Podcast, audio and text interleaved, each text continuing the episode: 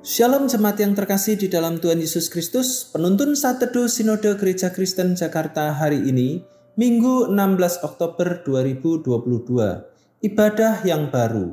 Mazmur 33 ayat 1 sampai 9.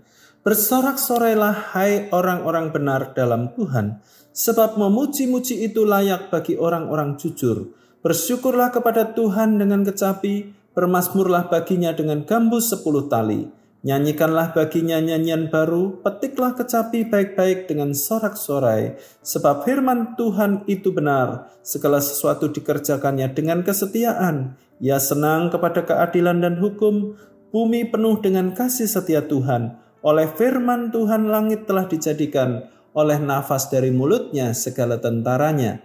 Ia mengumpulkan air laut seperti dalam bendungan, ia menaruh samudra raya ke dalam wadah Biarlah segenap bumi takut kepada Tuhan, biarlah semua penduduk dunia gentar terhadap Dia, sebab Dia berfirman, maka semuanya jadi. Dia memberi perintah, maka semuanya ada. Bagaimana perasaan kita saat menerima barang yang baru, mengalami suasana yang baru, atau apa pun yang baru? Tentu sangat menakjubkan. Mengapa demikian? Karena kecenderungan manusia adalah mudah merasa bosan dengan barang atau suasana lama dan rutinitas yang biasa. Walaupun dalam hidup ini mayoritas adalah hal yang biasa-biasa saja, dan itu juga bukan hal yang buruk, namun kecenderungan hati dari seorang yang tidak mengalami sesuatu yang baru adalah tidak ada hasrat dalam menghargai yang ada dan tidak ada gairah dalam bertumbuh. Oleh sebab itu, harus ada inovasi atau pembaruan dalam banyak hal.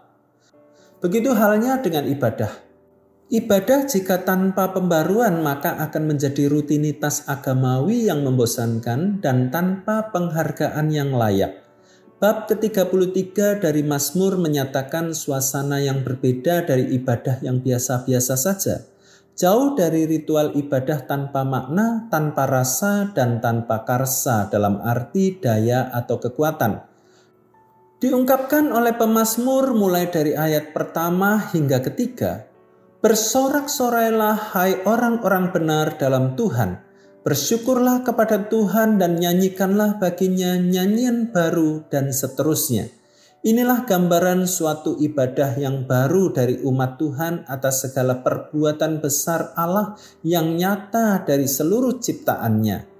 Melihat hal itu, maka tidak mungkin jemaat dapat beribadah dengan tanpa penuh kebahagiaan, rasa hormat, rasa kagum, dan sebagainya. Di ayat ketiga dikatakan nyanyian baru, bukan berarti menyanyi dengan lagu baru, dalam bahasa Ibrani yang artinya segar atau pembaruan yang ditujukan kepada pelakunya yaitu para penyanyinya. Dengan kata lain, para penyanyi menyanyilah secara baru atau dengan semangat baru, bukan dengan sikap hati yang biasa-biasa atau dengan cara yang lama. Pujian yang dinaikkan dengan pembaruan sikap dan hati. Dari bacaan kita hari ini, pelajaran yang dapat kita ambil adalah bagaimana kita melakukan ibadah kita secara baru. Bila kita beribadah secara baru sebagai kekaguman dan rasa hormat kita kepada Allah atas perbuatannya yang dahsyat, maka ibadah seperti itu bukan hanya menyenangkan hati Allah, namun juga memberikan sukacita di hati kita. Allah menghendaki ibadah yang demikian terjadi dalam hidup kita sebagaimana telah tertulis di dalam Roma pasal 12 ayat yang pertama. Karena itu saudara-saudara, demi kemurahan Allah aku menasihatkan kamu supaya kamu mempersembahkan tubuhmu sebagai persembahan yang hidup, yang kudus dan yang berkenan kepada Allah. Itu adalah ibadahmu yang sejati.